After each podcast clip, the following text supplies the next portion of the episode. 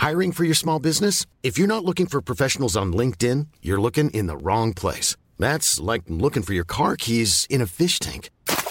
LinkedIn helps you hire professionals you can't find anywhere else, even those who aren't actively searching for a new job but might be open to the perfect role. In a given month, over 70% of LinkedIn users don't even visit other leading job sites. So start looking in the right place. With LinkedIn, you can hire professionals like a professional. Post your free job on linkedin.com slash spoken today. Ryan Reynolds here from Mint Mobile. With the price of just about everything going up during inflation, we thought we'd bring our prices down. So to help us, we brought in a reverse auctioneer, which is apparently a thing. Mint Mobile unlimited premium wireless. Ready to get 30, 30, bit to get 30, bit to get 20, 20, 20, bit to get 20, 20, bit to get 15, 15, 15, 15 just 15 bucks a month. So, Give it a try at mintmobile.com slash switch. $45 upfront for three months plus taxes and fees. Promo rate for new customers for limited time. Unlimited more than 40 gigabytes per month. Slows. Full terms at mintmobile.com. Many of us have those stubborn pounds that seem impossible to lose, no matter how good we eat or how hard we work out. My solution is PlushCare. PlushCare is a leading telehealth provider with doctors who are there for you day and night to partner with you in your weight loss journey. They can prescribe FDA-approved weight loss medications like Wagovi and Zepbound for those who qualify. Plus, they accept most insurance plans. To get started, visit plushcare.com slash weight loss. That's plushcare.com slash weight loss.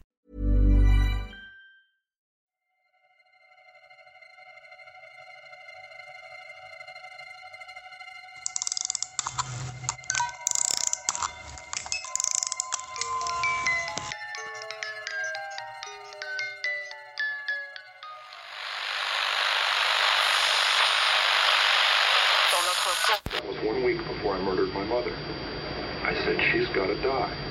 And I've got to die. More girls like that are going to die.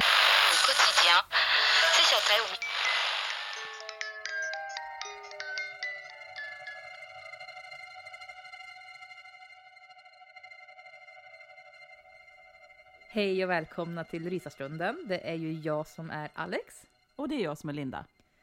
Och idag ska vi prata om ett olöst fall som kan vara ett av världens mest kända olösta fall.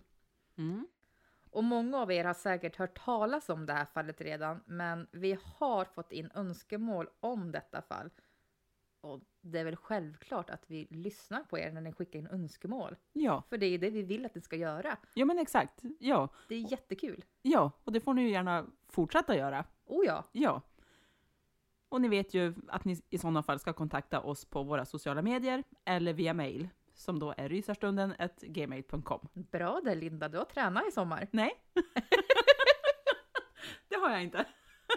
Man kan tro det. Ja, nej, inte alls. Utöver att ge oss tips på vad ni vill höra så får ni såklart tipsa andra om att lyssna på oss. Ni kan också ge oss betyg, lägga upp oss på era sociala medier, att ni lyssnar, följa, prenumerera och kommentera och så vidare. Att ni kan ju allt det här. Ja. Och det ger ju så mycket. Det betyder så mycket för oss. ja, men det gör ju det. Det är ja, så tacksamt. Mm, verkligen. Mm. Men nog om det och till dagens fall. Ja.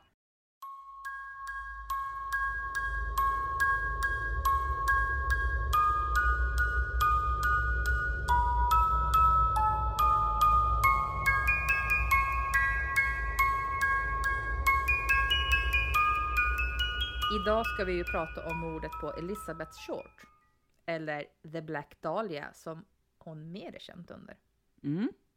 Och Elizabeth Short, hon föddes ju den 29 juli 1924 i Boston, Massachusetts. Och hon var det tredje av fem döttrar. När Elizabeth var sex år gammal så hittades hennes pappas bil övergiven på Charlestown-bron. Och det antogs att han hade hoppat från den åtta meter höga bron och tagit livet av sig efter att ha tappat alla pengar vid börskraschen som var 1929. Och Elisabeths mamma, hon började då jobba som bokförare för att kunna försörja familjen.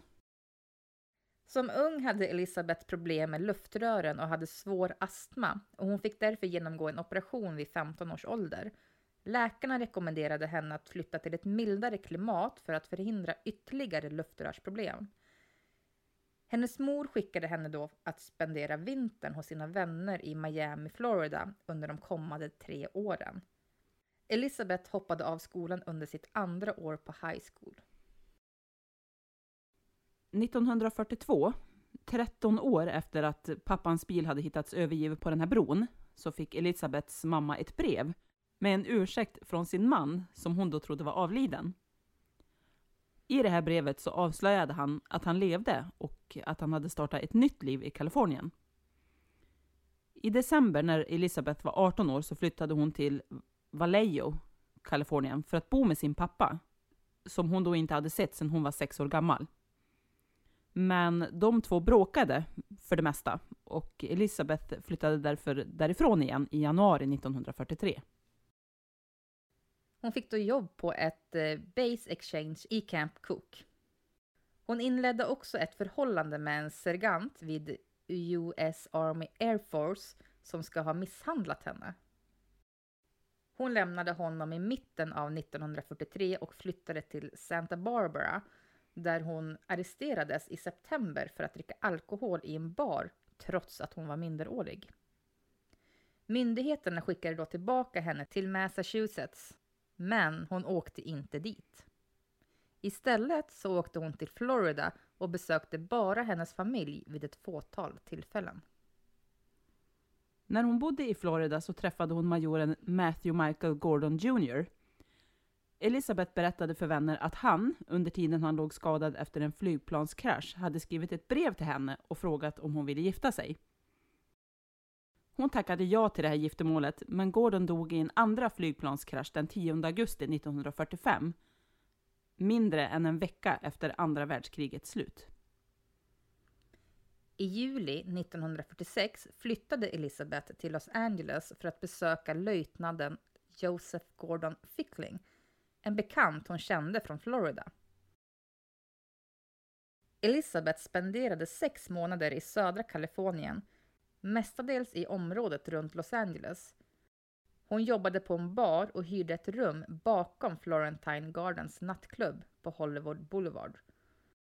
Hon har ibland beskrivits och framställts som en person som strävade efter att bli skådespelare. Men hon har inte haft några kända skådespelarjobb. Nej, och eh, den 9 januari 1947 så återvände Elizabeth till sitt hem i Los Angeles efter en kort tripp till San Diego med Robert Red Manley, en 25-årig gift säljare som hon då hade dejtat. Manley hävdade att han hade släppt av Elizabeth vid Biltmore-hotellet i centrala Los Angeles. Elizabeth skulle träffa sina systrar som hade rest dit den eftermiddagen. Och enligt vissa källor så ska Elizabeth ha setts använda telefonen i lobbyn. Kort efter påstods hon ha setts av kunder till Crown Grill Cocktail Lounge på 742 South Olive Street, som ligger ungefär 200 meter från Biltmore.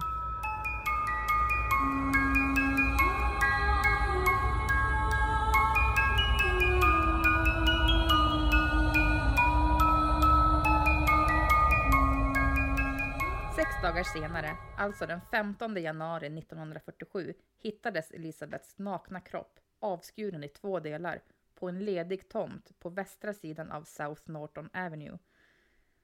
Kroppen upptäcktes ungefär klockan 10 på förmiddagen av lokalbon Betty Beringer. Hon var ute och gick med sin treåriga dotter när hon först trodde att hon hade hittat en trasig och kasserad skyltdocka. När hon insåg att det var ett lik rusade hon genast till ett närliggande hus och ringde polisen. Elisabeths stympade kropp var som sagt helt avskuren i midjan och dessutom tömd på blod, vilket gjorde att hennes hud blev helt vit. Läkaren fastställde att hon hade varit död i cirka tio timmar innan hon blev upptäckt, vilket innebar att hon hade dött antingen någon gång under kvällen den 14 januari eller under de tidiga morgontimmarna den 15 januari. Mördaren hade tydligen tvättat av kroppen och Elisabeths ansikte var också skurit från mungiporna till hennes öron, alltså likt ett Glasgow-leende. Hon hade flera skärsår på sina lår och på hennes bröst där hela delar hade skurits bort. Den nedre halvan av hennes kropp var placerad lite drygt 30 centimeter bort från den övre och eh, hennes tarmar hade stoppats in prydligt under hennes skinkor.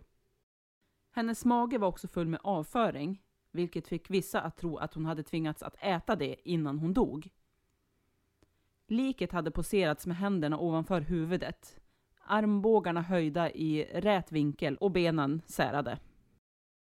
Alltså vad sjukt. Någon har verkligen gått in för att det ska se bra ut Mm.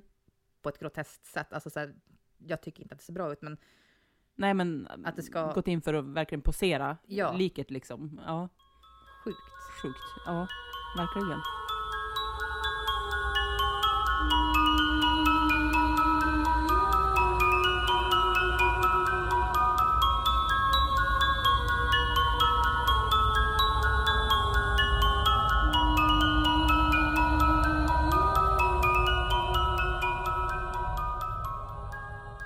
Men vid upptäckten började en skara förbipasserande och reportrar samlas.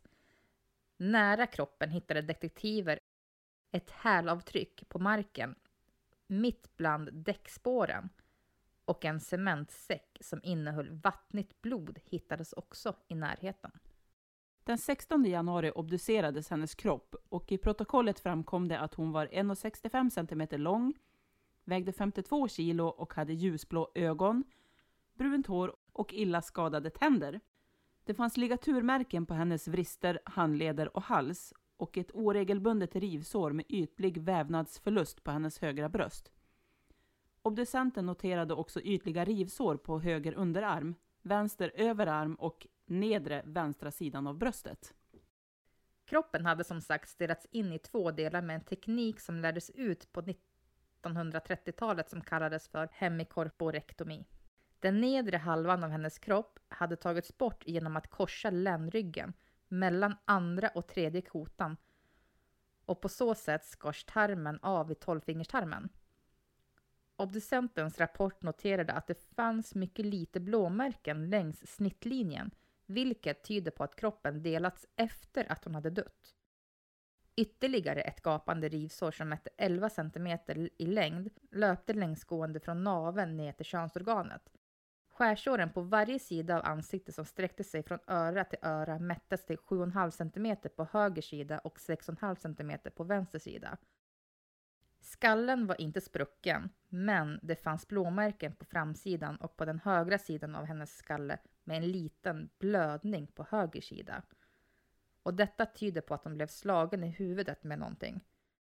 Dödsorsaken fastställdes vara en blödning från skärsåren i hennes ansikte och chocken av slag mot huvudet och ansiktet. Obducenten noterade vidare att hennes anal vidgas 4,5 cm, vilket tyder på att hon kan ha blivit våldtagen. Det togs prover för sperma på hennes kropp, men det kom tillbaka negativa. Elisabeths identitet fastställdes med hjälp av fingeravtryck och skickades till FBI. Hennes fingeravtryck de fanns ju redan i brottsregistret från när hon arresterades efter att ha druckit på den där baren som minderårig. Och omedelbart efter Elisabeths identifiering kontaktade en reporter från tidningen Los Angeles Examiner Elisabeths mamma. Och Elisabeths mamma hon bodde ju kvar i Boston och visste ju ännu inte att hennes dotter var mördad. Reporten berättade för henne att Elisabeth hade vunnit en skönhetstävling och försökte pumpa mamman på så mycket detaljer som möjligt om Elisabeth. Och det var först efter intervjun var klar som reporten faktiskt avslöjade att Elisabeth hade blivit mördad. Reporten erbjöd sig också att betala mammans flygbiljetter och boende om hon skulle resa till Los Angeles för att hjälpa till med polisutredningen. Vilket var ännu ett knep eftersom tidningen höll henne borta från polis och andra reportrar för att hindra någon annan från att ta det här skopet. Examiner-tidningen och en annan tidning, Herald Express, gjorde senare fallet sensationellt stort där en av artiklarna beskrev alltså de kläder Elisabeth senast hade setts i. Det var en svart tajt kjol och en genomskinlig blus. Media gav henne sedan smeknamnet Den svarta dahlian på grund av kläderna och det svarta håret som hon hade. De beskrev henne också som en äventyrlig kvinna som strosade runt på Hollywood Boulevard. Media började också stämpla Elisabeth som en sexuell avvikare. En polisrapport löd Det här offret kände minst 50 män vid tidpunkten för hennes I'm Sandra, and I'm just the professional your small business was looking for. But you didn't hire me because you didn't use LinkedIn jobs. LinkedIn has professionals you can't find anywhere else, including those who aren't actively looking for a new job but might be open to the perfect role, like me. In a given month, over 70% of LinkedIn users don't visit other leading job sites. So if you're not looking on LinkedIn, you'll miss out on great candidates like Sandra. Start hiring professionals like a professional. Post your free job on linkedin.com/spoken today. If you're looking for plump lips that last, you need to know about Juvederm lip fillers. With Juvederm Volbella XC and Juvederm Ultra XC, your lip look, whether it's subtle or bold, can last up to one full year with optimal treatment and no additional maintenance. Find a licensed specialist and see if it's right for you at juvederm.com today. That's J U V E D E R M.com. Add fullness to lips in adults over 21 with Juvederm Volbella XC or Juvederm Ultra XC. Do not use if you have severe allergies or a history of severe allergic reactions, or if you're allergic to lidocaine or the proteins used in Juvederm. Tell your doctor if you have a history of scarring or taking medicines that decrease the body's immune response or that can prolong bleeding. Common side effects include injection site redness, swelling, pain, tenderness, firmness, lumps, bumps, bruising, discoloration, or itching. As with all fillers, there's a rare risk of unintentional injection into a blood vessel, which can cause vision abnormalities, blindness, stroke, temporary scabs, or scarring. For full important safety information, visit juvederm.com. hennes död och minst 25 män hade setts tillsammans med henne under de 60 dagarna före hennes död. Hon var känd som en kvinna som retades med män. Frågan är ju vad man ville säga med det här påståendet. Menade man att Elisabeth fick skylla sig själv? Helt klart är att man med ett sånt här påstående flyttar fokuset från gärningsmannen till Elisabeth. Att det i grund och botten kanske var hennes eget fel. Vissa människor börjar också sprida falska rykten om Elisabeth, att de var prostituerad, medan andra utan grund hävdade att Elisabeth gillade att retas med män eftersom hon var lesbisk. Men det borde inte spela någon roll i det här, kan jag tycka. Ja, det är ju helt galet att, att det ska spela någon roll, alltså om man är, oavsett om man är lesbisk eller om man har legat med så hundra män, Men det, det har inte med så saken har det inte med saken att göra. Nej, exakt. Och bara anta det att så här var det. Mm, På vilka grunder egentligen? exakt. Ja, eller hur? För att hon har setts med lite olika män. Alltså, Mm. nej, det känns ju sjukt. Mm.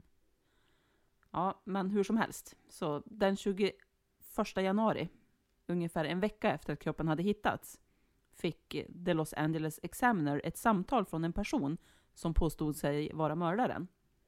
Personen sa att han skulle skicka Elisabeths tillhörigheter med posten som ett bevis på sitt påstående.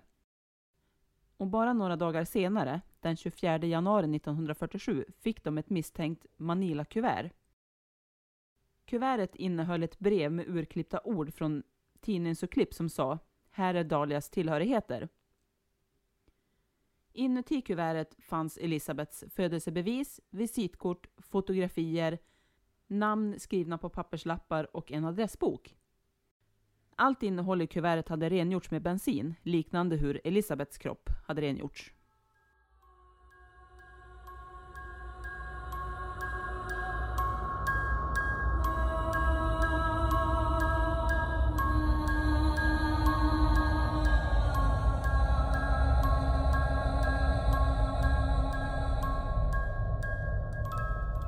Det här fick myndigheterna att tro att brevet definitivt kom från Elisabeths mördare. Och polisen kontaktade cirka 75 män från Elisabeths eh, adressbok. Men majoriteten av männen påstod sig bara ha känt Elisabeth under en kort tid. På grund av de extra skärsåren på Elisabeths kropp misstänkte myndigheten att någon inom det medicinska området kunde ha varit mördaren. Och polisen skickade en order till USC Medical School som låg i närheten av där Elisabeths kropp hade hittats. Men efter flera intervjuer och bakgrundskontroller så var de fortfarande inte närmare att lösa det här fallet. Två dagar senare så kom ett nytt brev med en handskriven lapp som löd Här är den. Inlämning onsdag 29 januari klockan 10. Ha det kul på polisen. Black Dahlia Avenger. På lappen stod också en mötesplats. Polisen åkte dit och väntade, men personen som eh, hade skrivit det här brevet, han kom aldrig. Efteråt kom ytterligare ett brev innehållande en lapp gjord av bokstäver klippta och inklistrade från tidningar. Och på lappen stod det ”Har ändrat mig. Du skulle inte ge mig någon uppgörelse. Att döda Dahlia var motiverat.” Ryktet om Elisabeths mord stimulerade ett stort antal erkännanden under åren, varav många har ansetts vara falska. Under den inledande utredningen av hennes mord fick polisen totalt 60 erkännanden och de flesta gjorda av män. Sedan dess har över 500 personer erkänt brottet, av vilka några inte ens var födda vid den här tiden för mordet. Och även om fallet än idag är olöst så finns det många teorier om vem som begick detta brott. Och några av de här teorierna tänkte vi lyfta nu. Mm. 2003 berättade en av de ursprungliga detektiverna i fallet, Ralph Astel, till Times att han trodde att han hade intervjuat Elisabeths mördare. En man som hade setts med sin sedan parkerad nära den tomma tomten där hennes kropp hade hittats. En granne som hade kört förbi den dagen stannade för att göra sig av med en påse med gräsklipp på tomten när han såg en parkerad sedan, enligt uppgift med sin högra bakdörr öppen och föraren av den här sedanen stod på tomten.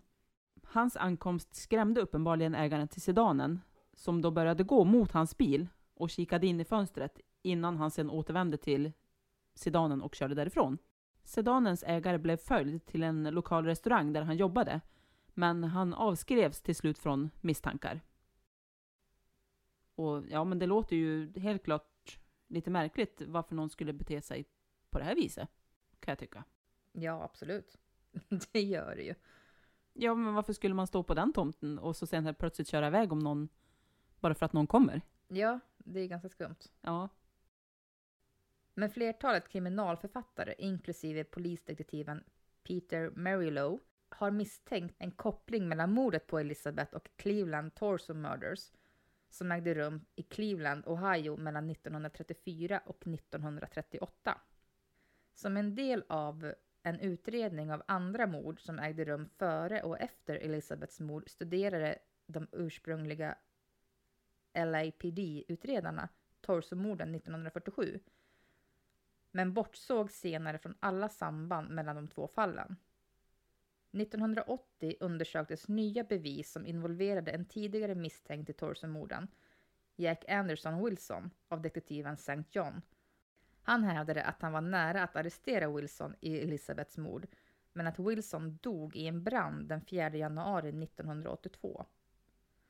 Och 1992 fick kopplingen mellan Elizabeth och Torso-morden förnyad uppmärksamhet då det togs upp i NBC-serien Unsolved Mystery, där en författare sa att Elliot Mess, en känd förbundsagent som bland annat var känd för sina ansträngningar att få ner Al Capone, visste vem mördaren var i båda fallen.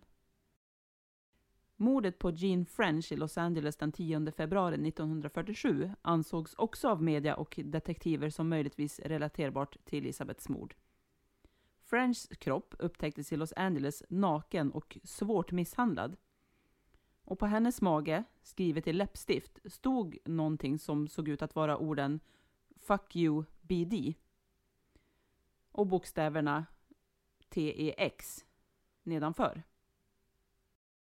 The Herald Express tryckte storyn och gjorde jämförelser med Elisabeths mord och antog att initialerna BD stod för Black Dahlia. Men en historiker menar att det inte stod BD utan PD, vilket då skulle kunna stå för polisavdelning. En annan teori är den som P.O. Eatwell skrev om i sin bok The Black Dahlia Red Rose som kom ut 2017. Han hävdar i den boken att han tror att det inte bara var en person som mördade Elizabeth, utan kanske upp till tre personer. Författaren menar att Elizabeth mördades av en Leslie Dillow och Jeff Connors på uppdrag av nattklubbsägaren Mark Hansen i Los Angeles. På framsidan av den där adressboken som polisen fick inskickat till sig 1947 stod Mark Hansens namn. Elisabeth ska tydligen ha tillbringat några nätter med Hansen innan hennes död. Och Hansen påstås ha förföljt Elisabeth trots att hon ska ha avvisat honom. Inte helt orimligt ändå det heller, den teorin. Nej, precis. Det är det ju inte.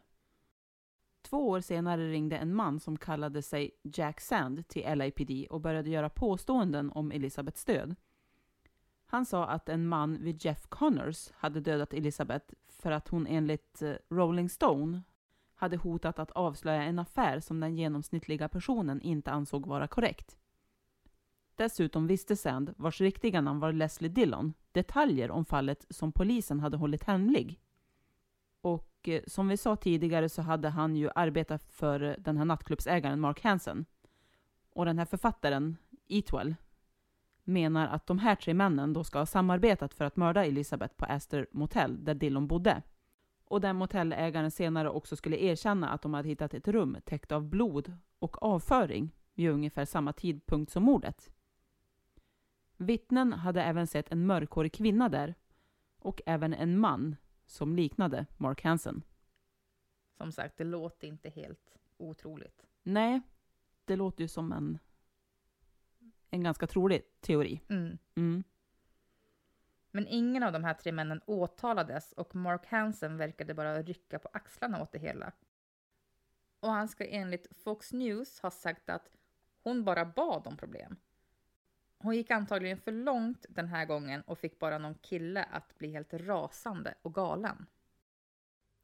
Ja men som sagt, det låter inte helt orimligt att de här tre killarna har någonting med hennes mord att göra. Alltså den här teorin, Nej, tänker jag. Exakt. Nej, jag tycker också att det låter rimligt. Och jag tänker också, vadå, hon gick antagligen för långt och fick någon kille att bli helt rasande och galen. Alltså, Pratar han om hon sig själv liksom då? delad på mitten och hade, alltså, var skuren från Mm. kind, alltså öra till öra. Alltså, Men det är väl ett normalt eh, ja, hon fick ju skylla sig själv. Ja, Alltså, nej, det, nej. jag kan bli så störd på hur de pratar Mm. om henne. Men både de här grabbarna och, eh, och även polisen Mm, som bara, ja men hon får väl skylla sig själv för hon har ju varit med typ hundra killar. ja, exakt. Eller hon var lesbisk, Ja. för hon retades med killar. Ja, Men det spelar ingen roll. det spelar ingen roll. Någon har gjort det här. Ja. Om, om någon hade gjort det här mot en man då? Mm. Ja, men eller hur? Nej men han gick bara runt och retades med tjejer, han var egentligen bög. Ja, Är det samma sak? Ja. Eller han har varit med hundra tjejer? ja, ja, men eller hur? Nej, då hade det ju förmodligen sett helt annorlunda ut. Ja, Och jag tänker att hade de kunnat bortse från eh, ja, men den här, det här synsättet och faktiskt kunna fokusera på att verkligen hitta mördaren. mm, hade de hittat mördaren? Ja, exakt. Det kommer vi ju aldrig, aldrig få veta. Nej. Nej. Men det är så störande att det hela tiden ska stypa i såna här antaganden Mm. och, eh, vad säger man, stereotypa tankar. Ja. ja, men eller hur? Det är så sjukt och det finns ju fortfarande kvar Ja, ja dessutom. men exakt, det är lite det vi kommer till att när ska det försvinna? Ja, frågan är ju om det någonsin kommer göra det. Det är så tråkigt. Mm. Polisarbeten och alla typer av arbeten som, ja, men, som gör, som handlar om bland annat mord som vi tar upp. Mm. Alltså, det kan skötas så mycket bättre och få en bättre kvalitet. Ja, jo, det kan man ju Och tycka. hit- hitta liksom lösningar på ett annat sätt. Mm. Än att man ska falla in i en synvinkel och sen fastnar man där. Ja, ja, men exakt. Det känns ju som, ja men hade man bara bortsett som sagt från att, ja men jag tycker att hon förtjänar det. Mm. Alltså, då hade ju kunnat ge ett helt annat fokus på, på någonting annat. Det känns som att eh, risken att man missar saker Men exakt. är så stor för att man går in med förutfattade meningar och sådär. Precis. Ja. Men med det så sätter vi punkt för idag. Och den här veckan. Har ni några tankar och teorier så skriv gärna en kommentar. Mm. Det är intressant att höra. Ja, det är det. Men Tack Ja. för att ni har lyssnat den här veckan. tack så mycket. Vi hörs nästa vecka. Hej då! Hej då!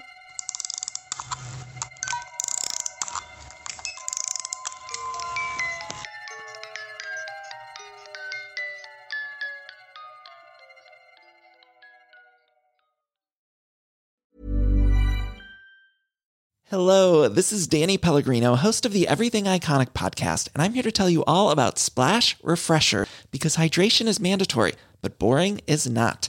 Now, I love my water, but if I don't spice it up, I'm not going to finish what I took out of the fridge. That's why I love my Splash Refresher, which is flavorful, delicious, bright, hydrating, and zero calories. The wild berry flavor is my fave. No, wait, is the pineapple mango flavor my fave? You know what? All five craveable Splash Refresher flavors are my fave because they're so delicious. So get hydrated and enjoy it with Splash Refresher. ACAST powers the world's best podcasts. Here's a show that we recommend.